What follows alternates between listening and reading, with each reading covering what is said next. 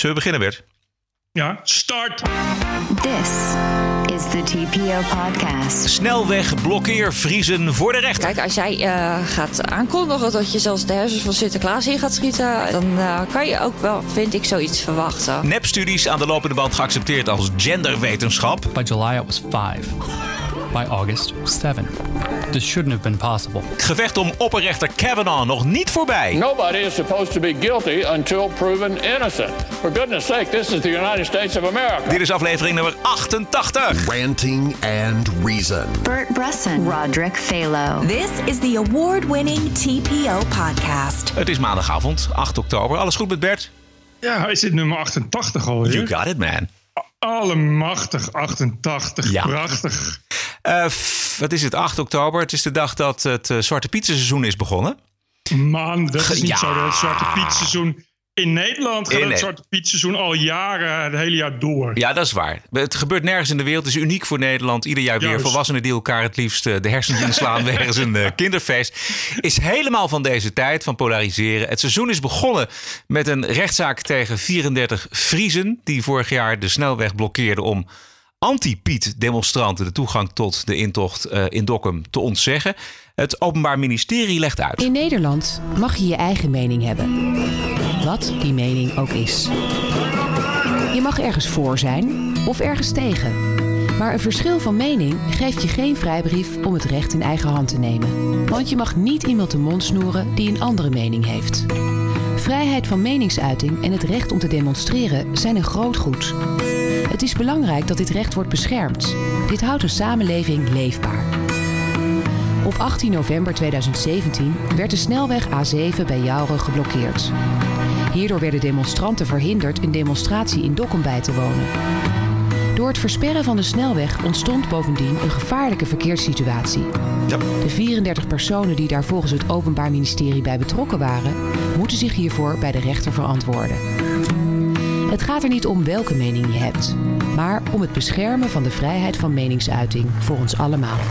Ja, eh, deze rechtszaak vandaag, Bert, je zal het ongetwijfeld eh, hebben gezien, eh, verdeelt Nederland opnieuw in voor- en tegenstanders. Eh, zoals bij bijna ieder ander onderwerp inmiddels.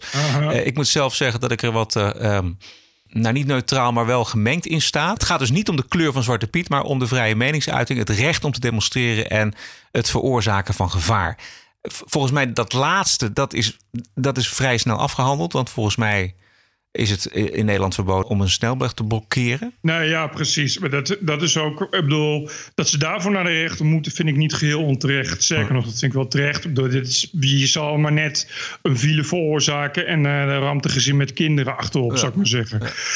En dus ik geloof dat er ook inderdaad eh, iemand een hersenschudding heeft Ja. gekregen. En er waren mensen op weg naar het ziekenhuis en naar crematie en zo. Dus het is natuurlijk een, eh, iets waarvan het niet heel gek is dat je daarvoor verantwoordt. Maar of ze dat nou alle 34... Ik, wel- want ik weet niet hoe dit zit. Zijn, het, zijn dit 34 mensen die met, eh, inderdaad die, die file hebben veroorzaakt? Of, Nou, er zijn er meer, het- geloof ik, dat die de file hebben veroorzaakt. Maar dus hebben er 34 gearresteerd en 34 mensen moeten voorkomen. Verdeeld over Ja, drie ja. dagen volgens mij. Vandaag de eerste Wat in dat filmpje wordt ge- gezegd van het Openbaar Ministerie. Ze staan vooral terecht wegens het eh, verhinderen van demonstratie. En dat is in strijd met de vrijheid van meningsuiting.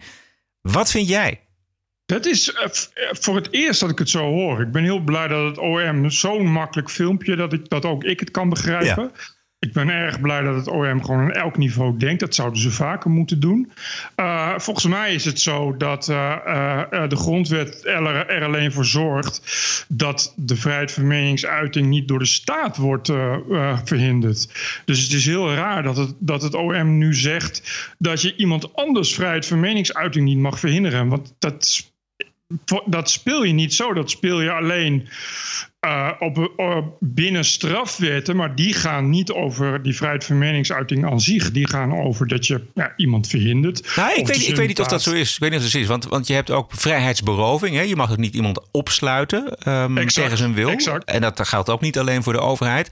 Dus het, het, het- iemand eh, zijn, zijn mond snoeren, dat kan je ook op burgers van toepassing laten zijn. Wel als het gaat om eh, de vrijheid van meningsuiting aan zich. Hm. Het punt is natuurlijk dat laten we het simpele voorbeeld van een drukpers nemen. Op het moment dat de buurman jouw drukpers kort en klein slaat, uh, ja, dat, je kan hem laten oppakken voor geweld of het uh, hinderen in je werk, et cetera. Maar die vrijheid van meningsuiting aan zich wordt alleen gewaarborgd door de staat. Vandaar dat ik het een beetje een rare frame vind dat ze dat mm. zo gebruiken in het filmpje.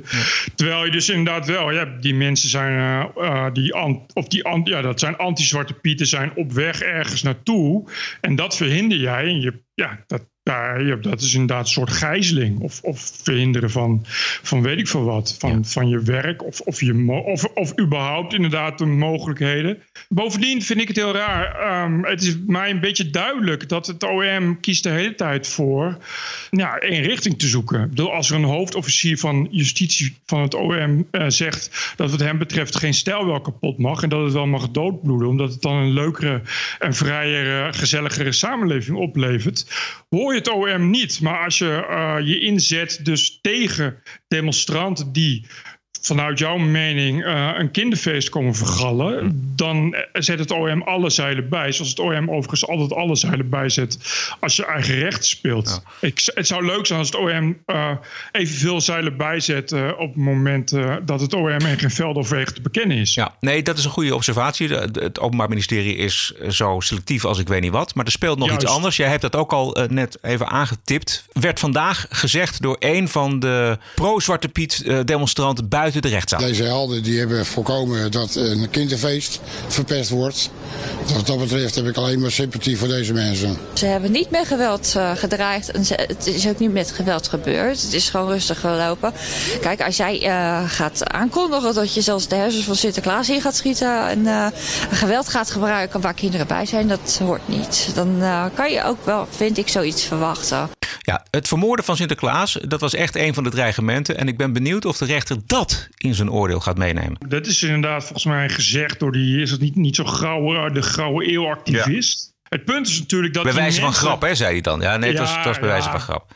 maar goed, het, eh, als je dus als demonstrant, als je dus als ouder, laten we het even zo zeggen. Als je als ouder denkt, ja, mijn kind staat zo meteen Sinterklaas en Zwarte Piet op te, te vangen. En het is één groot feest. En daar vallen schoten. En er wordt daar iemand vermoord. Ik wil mijn kind dat niet aandoen. Dat is volgens mij een, goed, een, een interessant argument in ieder geval, juridisch gezien. Om te kijken wat een rechter daarmee doet. Het is in elk geval een, een, een goed argument inderdaad ter verdediging. Ik denk dat je, dat je advocaat daar een hoop kanten mee op kan. Maar voor de, voor de wet zal natuurlijk gelden dat je hoe dan ook niet voor eigen rechten mag spelen. Uh, en dat, je kan dat wel vinden. Maar het punt is natuurlijk dat die anti-Zwarte Piet hadden toestemming om daar te demonstreren. En dan ben je als overheid ben je verplicht om dat dan ook in goede banen te leiden. Dat is hier mede mislukt, mede door die actie van die mensen. Dus de, de rechter zal uiteindelijk toch moeten zeggen van ja, eh, eh, het is, het is burgers niet toegestaan om daar dan op eigen houtje een stokje voor te steken. wat je argumenten ook zijn. Ja, dit is, dit is volgens mij het, het allerbelangrijkste en het meest zwaarwegende zal het zijn in die rechtszaak. Uh, ondanks alle emoties. Wat denk jij wat eruit komt? Nou, die mensen zullen geen gevangenisstraf krijgen. Dat lijkt me sterk. Uh, het is wel zo weet je, dat, die, dat het blokkeren van die snelweg... kan daar zelfs negen jaar op staan. Uh, er zal geen rechter zijn die zich daaraan waagt. Want het, is natuurlijk ten eerste goed afgelopen. En ten tweede weten we natuurlijk allemaal wat de reden daarvoor was. Uh, en ik, ik denk dat die mensen uiteindelijk een eh, beetje eigenlijk zelfs wel boetevrij uh, buiten komen te staan. Maar het gaat natuurlijk, ja, dit, dat OM uh, wil natuurlijk voorkomen dat er een president uh, wordt geschapen. of wil juist een president scheppen door te zeggen, hier ligt de grens. Um, ja, die rechten zal het hier heel moeilijk mee gaan krijgen. Ook, ook ja. omdat, het, omdat het dus inderdaad om een vage definitie van vrijheid van meningsuiting gaat. En ja, in hoeverre hebben die mensen zelf daar als een soort tegendemonstratie recht op. En, en je kan daar, ik vraag me af in hoeverre je daar dan nog strafvorderingen op, uh, op kan toepassen. TPO Podcast. Ja, er was veel nieuws deze week. Eh, de afgelopen dagen Pechtold weg na 12 jaar. Uh, opdracht klaar. Dan is het ook tijd om een partij waar mijn taak vooral was de opbouw... te laten zien dat D66 ook echt de verantwoordelijkheid aankomt. Dus dat heb ik voor mezelf als een bepaalde opdracht gezien en die is nu klaar. Ha, ha, ha, ja, ja, ja. Wat hij eventjes niet noemt is dat uh, de gemeenteraadsverkiezingen in maart natuurlijk rampzalig verlopen zijn voor D66. Dat uh, de peilingen rampzalig zijn voor D66 op dit moment. En dat eigenlijk de trucendoos van Alexander Pechtold leeg is. Ja, maar die gemeenteraadsverkiezingen was een soort van zilver. Dus weet je, die peiling is natuurlijk ook een soort van zilver. En ik denk dat we het vertrek van Alexander Pechtold ook als een soort van zilver moeten zien. Ja, als je dus de helft van je raadzetels inlevert in Nederland, dan is dat uh, zilver. Ja, wel voor D66. Uh, en ik begrijp dat nu het vertrek van uh, Alexander Pechtold volgens D66 uh, helemaal niets aan de stabiliteit van de regeringscoalitie of aan de betrouwbaarheid van D66 afdoet. Al dus een D66-minister naar onafhankelijk onderzoek door D66'ers binnen de D66-coalitie. Ja, ja, Nee, dat, is, dat wordt volgens mij nog op de koop toegenomen, hoewel dat wel degelijk een, een gevaarlijk punt is. Want hij was wel, zeg maar, de glue, de lijm tussen de, de, rest van het kabinet en D66. Nogal. Uh, nogal. Uh, maar het was ook wel natuurlijk een baasje. En ik, het zou best ook wel iets gemakkelijker kunnen worden voor, voor Rutte en, en consorten op dit moment. Ehm, maar ik heb vandaag de vraag gesteld van waarom dan nu pas? Want ik heb er een column over geschreven. Waarom, waarom als, in, als hij in maart al het besluit heeft genomen... want dat, dat blijkt ook uit het interview met Vrij Nederland... Hè, dat hij in maart zei van nou, ik kap ermee... Um, dat zou best naar aanleiding van die gemeenteraadsverkiezingsuitslag kunnen zijn geweest. En dan vervolgens houdt hij dan toch nog uh, een aantal maanden het voor zich. Uh, zorgt voor een E2'tje bij, met, met Vrij Nederland. En bepaalt dan van, nou ja, dat congres in Den Bosch, dat is dan uh, het moment om het te zeggen. Hij, ja, ik, ja? ik denk zelf dat, het, dat hij eigenlijk gewoon nog langer uh, wilde blijven. Maar nu naar de laatste re uh, recente ontwikkelingen in zijn privéleven, waarvan we allemaal inmiddels op de hoogte zijn, de druk toch wel heel erg groot werd. Jij denkt dat dat zo, een, een privé aangelegenheid ja? Nou, ik nou, weet het niet. Ja, ik, ik, ik, het komt toevallig zo. Ah, ik, heb, ik heb altijd het idee gehad dat hij gewoon echt nooit weg wilde. Maar ik, ik weet niet precies, want eh, had hij in maart al helemaal besloten dat hij wilde opstappen? Dat, dat zei hij in, bij, tegen Vrij Nederland. En het, het, klopt ook wel, want hij heeft natuurlijk een positie in het kabinet aan zich voorbij laten gaan. Um, en opstappen vlak na de gemeenteraadsverkiezingen, die echt rampzalig waren voor D66, dan stap je op vanwege een falen. Dat doe je niet. Dus je wacht er gewoon een aantal maanden mee en dan kies je een moment. En dit was feitelijk natuurlijk voor hem een goed moment. we zijn die verkiezingen zijn we lang vergeten. En, en peilingen, dat zijn dagkoersen. Dus uh, nou is het stokje, uh, kan ik overgeven aan een volgende generatie. Nou, ik denk ook wel, ik denk in elk geval dat hij echt niet langer nu kon wachten. Nee. Dat het wel echt, dat het wel echt de koek helemaal op is. Ja, dat denk ik ook. Rob Jetten. Rob Jetten ken ik niet. Ja, Rob Jetten is, is een vrij glad uh, en slik. Ja, hoe zal ik het zeggen? Zijn haar zit mooi en hij heeft een uh, keurige bril. En hij past helemaal bij D66. Ik wou net zeggen, dat is het profiel van D66. Glad en slik. Nou, ja. dat zal dan wel D66 ja. zijn. Ja. Goed, uh, we gaan richting Amerika. Um, maar we hebben nog veel meer in de show. TPO Podcast. Namelijk een geweldig onderzoek uh, ook in Amerika naar genderstudies en nepstudies. Maar eerst eventjes uh, Washington, want de kogel is door de kerk. De Amerikaanse Senaat heeft een uh, nieuwe opperrechter. Zijn naam is voor wie de afgelopen weken in een isoleercel heeft doorgebracht. Brett Kavanaugh. Just a few hours ago, the U.S. Senate confirmed Judge Brett Kavanaugh to the United States Supreme Court.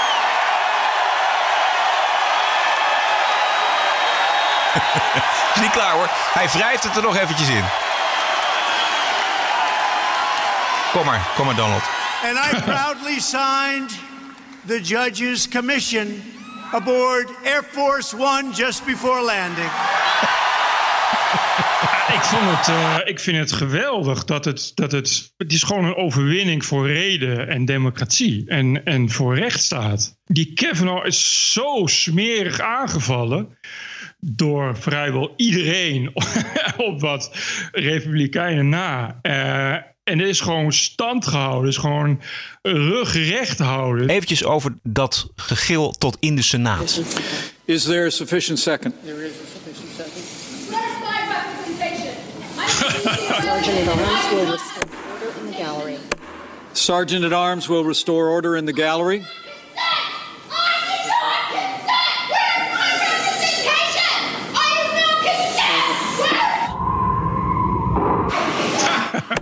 Dit is hoe we het kennen van, uh, van de boze SJW's. En uh, grienende millennials. Hard schreeuwen, hard drammen, hard huilen, hard gillen.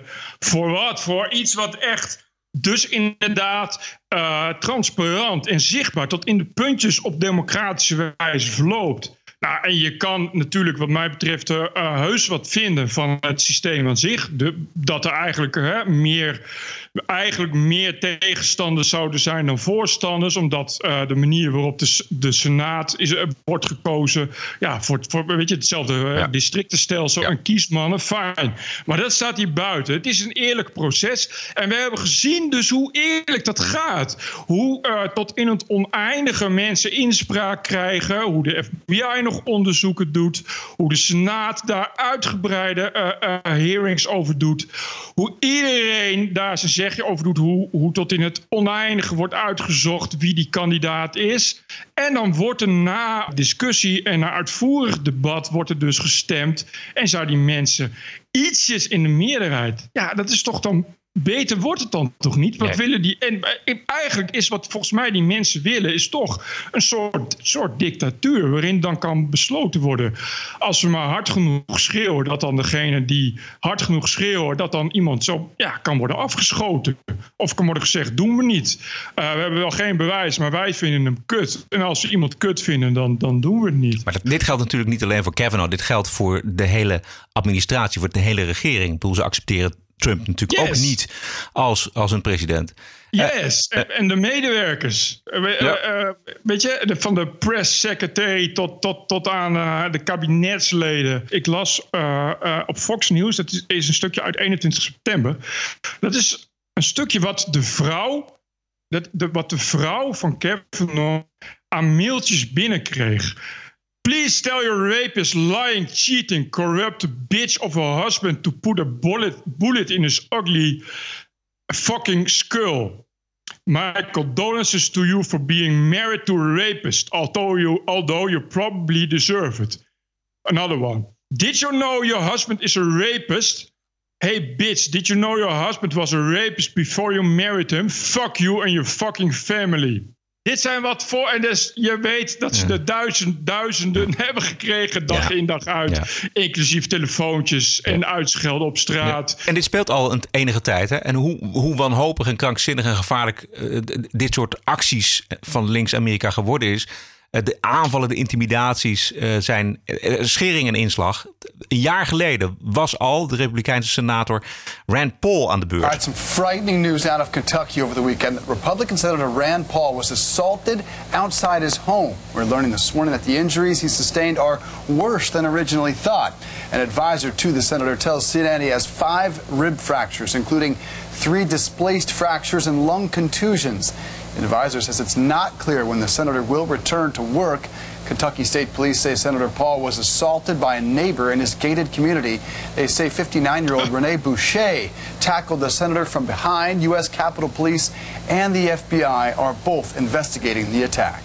En deze week heeft zijn vrouw uh, een open brief geschreven aan CNN. Uh, onder andere heeft uh, CNN dat gepubliceerd. En daarin staan zaken als huisadressen, telefoonnummers die uit de Senaat worden gelekt, online worden gezet. En met de oproep tot het intimideren van de familie. Mm -hmm.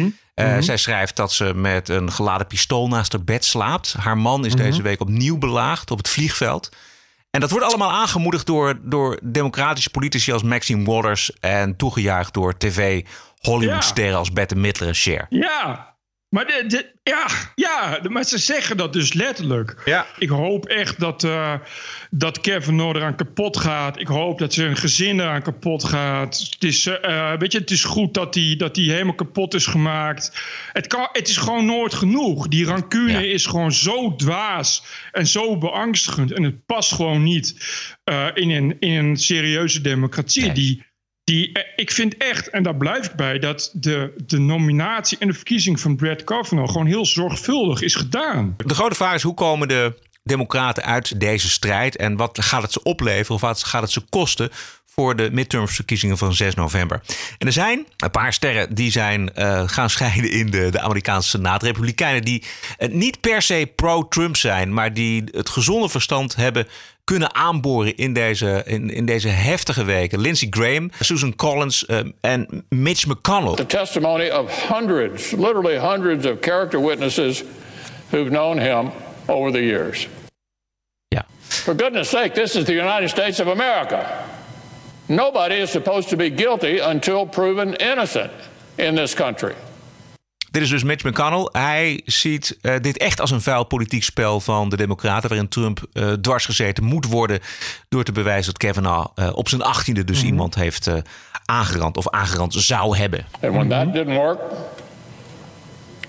they turned on a dime and started claiming his real sin was that he spoke up too forcefully in defense of his good name and his family.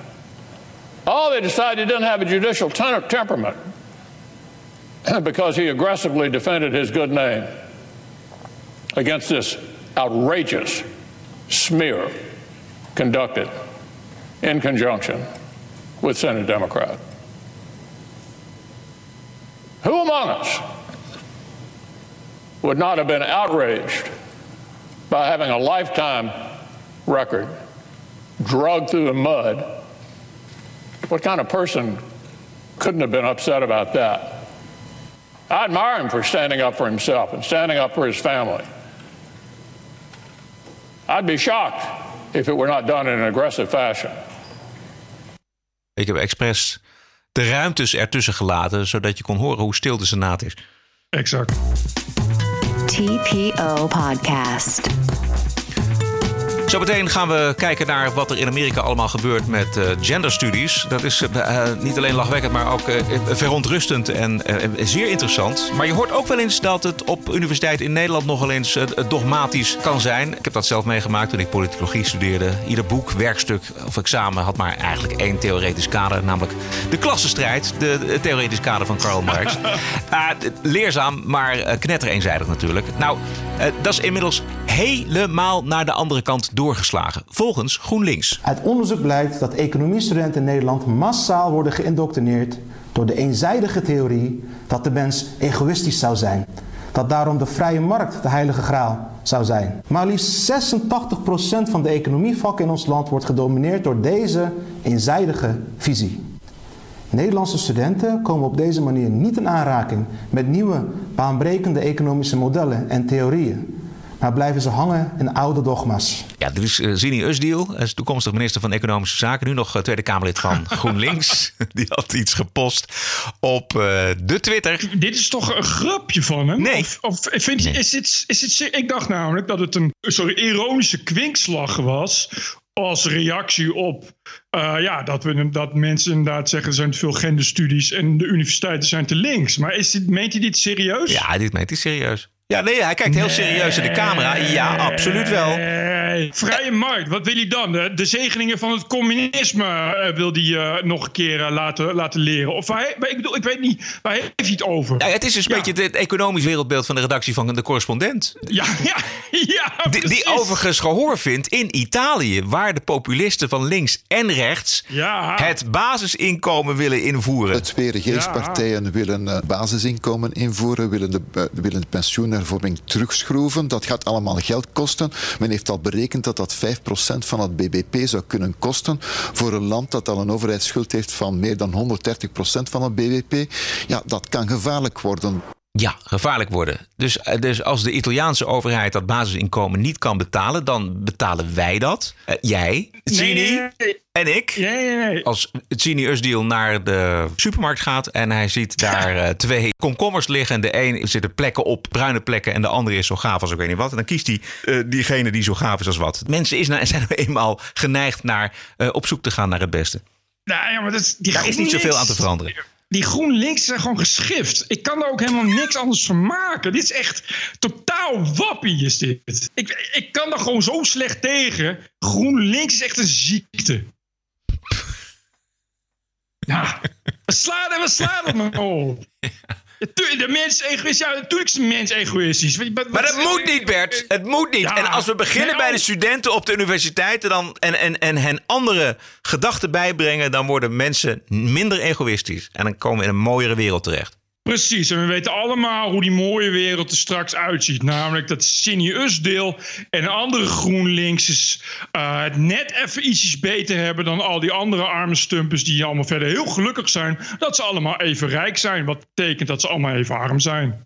Nou, hoe corrupt sommige studies zijn, eh, hebben drie Amerikaanse studenten aangetoond door neponderzoeken te fabriceren en gepubliceerd te krijgen in academische tijdschriften van statuur. Since approximately June of 2017, I, along with two other concerned academics, Peter Boghossian and Helen Pluckrose, have been writing intentionally broken academic papers and submitting them to highly respected journals in fields that study gender, race, sexuality, and similar topics. We did this to expose a political corruption that's taken hold of the university. By this point, several of these papers have been accepted in highly respected journals, and one that claims that dog humping incidents can be taken as evidence of rape culture has been officially honored as excellent scholarship. Oké, dat is een paper Yes. over honden die elkaar bespringen en besnuffelen in parken. Wat een onderdeel zou zijn van een cultuur van verkrachten. Ja, Rape culture. rape culture, yes. En Yes. geaccepteerd.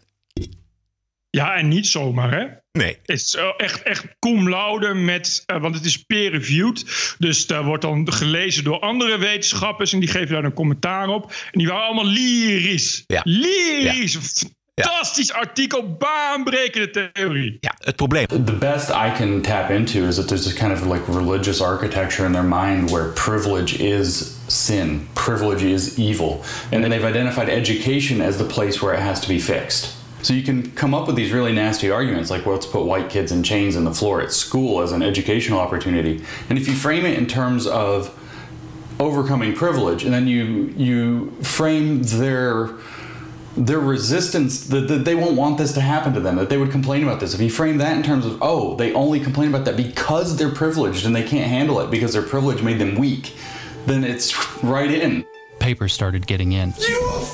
you've got to be me that this happened By March, with two papers accepted and one published, it would be fair to say that we had become accepted grievance scholars. By June, it was three, with one having been officially honored by the journal as excellent scholarship. By July, it was five. By August, seven. This shouldn't have been possible. Ja, allemaal, allemaal nepstudies dus.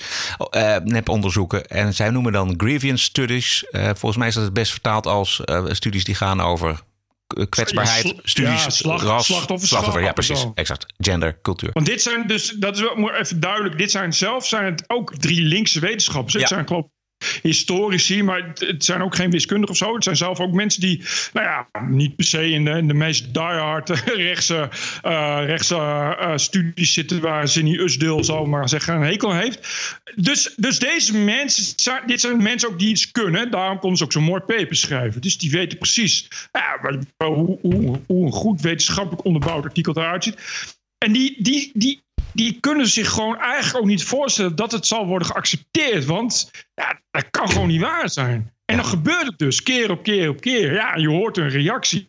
En dat is natuurlijk ook onze reactie. Het is onwaarschijnlijk. En het zegt dus iets over hoe, zoals zij dat ook noemen, hoe onwaarschijnlijk inderdaad politiek gecorrumpeerd het nu Ja, het is. is ideologisch gecorrumpeerd. Als het maar past in het politieke plaatje, dan wordt het geaccepteerd. Zonder dat daar eh, serieus naar wordt gekeken of dit ook daadwerkelijk zeer wetenschap is.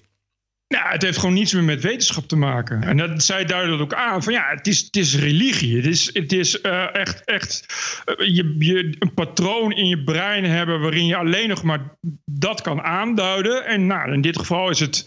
Ja, privilege slecht. eh, rape culture is slecht. Mannelijkheid is slecht. wit zijn, blank zijn is slecht. En dat zit er dan echt in als een religie, als een dogma. En dan is het dus inderdaad. Dan, daarom worden die papers ook geaccepteerd. Hè? Dat het gewoon, je kan niet meer tussen de regels doorlezen. Je ziet rape culture. En je denkt, ah, dat is een goed paper. Eh, Terwijl, ja, dus, want een van die papers heeft ook, geloof ik, eh, eh, een heel hoofdstuk van Adolf Hitler's Mijn Kamp. Hebben ze, hebben, ze, hebben ze gebruikt. En dan was ik, ja, gewe- geweldig. Geweldig stuk. Gewoon overtuigend. overtuigend. Weet je, je kan het zo maf niet bedenken. En het, en ja, maar als je niet meer, als je niet meer eh, een open geest kan hebben, wat dit soort idioten natuurlijk al lang niet meer hebben. Ja, dan krijg je dus dit soort situaties. En dat is natuurlijk wel heel ernstig. Alhoewel, ehm, ja, weet je, ik, ik, ik vind het de andere kant is dat het, ja, genderstudies, ja. Ik, ja, het is niet dat, dat je er, eh, dat je er, eh, ehm, hè, dat je chirurg daardoor eh, anders op je gaat opereren. Of dat daardoor je huis anders wordt gebouwd. Het is natuurlijk wel zo dat beleid daarop wordt gemaakt. Dat is, dat is natuurlijk wel iets waar, waar, waar we misschien ook wel eens wat voorzichtiger over op eh, moeten zijn. Dat elke keer als een wetenschapper die zichzelf wetenschapper noemt, iets zegt dat het dan waar is. En nu blijkt dat je daar misschien iets meer terughoudender in zou kunnen zijn. Je- Wat je ook heel vaak ziet bij deze studies is dat bijvoorbeeld een transgender promoveert op een studie over transgender. De afstand is ook veel te, te, te klein eh, tot het persoonlijke. Eigenlijk moet je als wetenschapper een veel grotere afstand hebben. Het gaat ten koste van je, van je, uiteindelijk van je academische kwaliteit. Laten we even luisteren naar hun conclusie. What appears beyond dispute is that making absurd and horrible ideas sufficiently politically fashionable can get them validated at the highest levels of academic grievance studies. We rewrote a section of Mein Kampf as intersectional feminism, and this journal has accepted it. Social work. This is deeply concerning because the work of grievance scholars goes on to be taught in classes, to design educational curricula, to be taken up by activists, to influence how media is produced, and to misinform journalists and politicians about the true nature of our cultural realities. No one tolerates this sort of corruption when they find out an industry is funding biased research to make itself look a certain way. The same scrutiny should apply to research when it pushes a political agenda. And we have uncovered enough evidence to suggest that this corruption is pervasive among many disciplines, including women's and gender studies, feminist studies, race studies, sexuality studies, fat studies, queer studies, cultural studies, and sociology. Ja, dit is, dit is zeer, zeer zorgwekkend. Ja, ik, ik, ik wil nog, nog, nogmaals, dit is echt belangrijk. Dit zijn dus gewoon wel echt, echt ja, het is echt linkse wetenschappers. Hè. Dit, is, dit is dus geen, eh, geen eh, eh, ideetje van een, van een conservatieve groep rechtse jongeren en zo. Weet je? Dus het is echt, dat maakt het allemaal nog veel betrouwbaarder. Als je die, want als je hem zo hoort, dan denk je van ja, dit is, dit is vast iemand van PragerU of zo. Die, maar dit, dit zijn dus mensen die, die echt niet uit verdachte hoek komen. Die daar echt ook helemaal niets bij te winnen hebben. Die zich gewoon echt oprecht zorgen maken. Iedereen kan het zien. Eh, het is te vinden op YouTube. En dan moet je, ja, hoe moet je zoeken eigenlijk? Volgens mij moet je gewoon zoeken naar. Uh, uh, ja, wij moeten ook een soort van show notes hebben, Bert. Dat, dat mensen ter- terug ja. kunnen zoeken. ik, Ehm, ik wou net zeggen, ik zet die, die YouTube morgen online. Ik vind hem wel. Oké, goed zo. TPO Podcast. Voorval wat zich afspeelt in Duitsland. Het gebeurt niet vaak dat een politicus daar in de reden wordt gevallen. Angela Merkel gebeurde het, de bondskanselier nota bene. En dat gebeurde zo. Ich finde, das tut unserem Haus hier sehr gut. Unserem Haus, in dem wir versuchen, auch Programm sichtbar zu machen. Und dazu gehört natürlich auch Kunst und Literatur. Frau Merkel, tun Sie etwas, was dem Land gut tut, nicht diesem Haus. Ich bin Lehrer einer Grundschule. In diesem Jahr wurde kein einziges deutsches Kind eingeschult. Was ist hier los? Sie haben geschworen, dem deutschen Volk zu dienen. Was tun Sie? Sie lassen Flüchtlinge hier rein, die keinen Anspruch haben, laut Artikel 16a. Was tun Sie für unser Land? Es gibt Artikel 20 des Grundgesetzes. Artikel 20 Absatz 4, Recht auf Selbstverteidigung. Ich fordere alle Deutschen auf, nutzt dieses Recht auf Selbstverteidigung. Denn diese Frau ist keine Kanzlerin des deutschen Volkes. Sie ist eine Dienerin der Finanzeliten und was weiß ich noch wem. Dankeschön. Danke für die Meinungsfreiheit. Ja, dankeschön. Vasthouden tot onbeleefd. Ja. Dankeschön. Dankeschön. Eh, het- hij wordt uiteindelijk dus, niet duidelijk. Het, stond eh, gisteren op eh, internet. Ehm, hij heeft het zelf dus blijkbaar gefilmd. En het is ehm Sietske Uh-huh. Bergma kwam er onder andere mee uit Duitsland. Het is een leraar die wordt uiteindelijk de zaal uitgewerkt door beveiligingsmensen. En hij maakt zich eh, zorgen over de veranderingen op school die, waar hij lesgeeft. En eh, hij heeft dat al- heeft natuurlijk alles te maken met het immigratiebeleid van Duitsland. Juist. Hij heeft een goed verhaal. Maar dit was, was het in de Rijksdag? Of, of Nee, waar? nee, nee, nee. Dit was, dit was eh, ergens bij een bijeenkomst. Oh, zo. Ja. Maar het, het klopt wel eh, wat je zegt. Dat, dit is echt beslist niet de bedoeling om de, om de kanselier in de reden te vallen. Het is, eh, Duitsers zijn al erg eh, strikt met dat soort dingen. Ja, Dit, ja. is- echt niet, het kan echt niet. Het Nee, kan dit, echt dit kan absoluut niet. Ik ga afkondigen. Bert, heb jij nog wat te melden? Eh, nee, ik kondig maar af. Want alles loopt toch in het honderd. Ja, precies. Alles loopt toch in Dus, het honderd. We eh, gaan gewoon afkondigen. Eh, tot zover aflevering 88. Eh, vindt u dit nou een leuk geluid of een belangrijk geluid? Steun ons dan met een donatie. Dat helpt ons en de podcast en uiteindelijk natuurlijk ook uzelf weer. Ga naar tpo.nl slash podcast en daar vindt u de mogelijkheid om iets te doneren. Wij zijn terug aanstaande dinsdag. Heb een mooie week. En tot dinsdag. TPO Podcast. Bert Bruson, Roderick Balo. Ranting and Reason.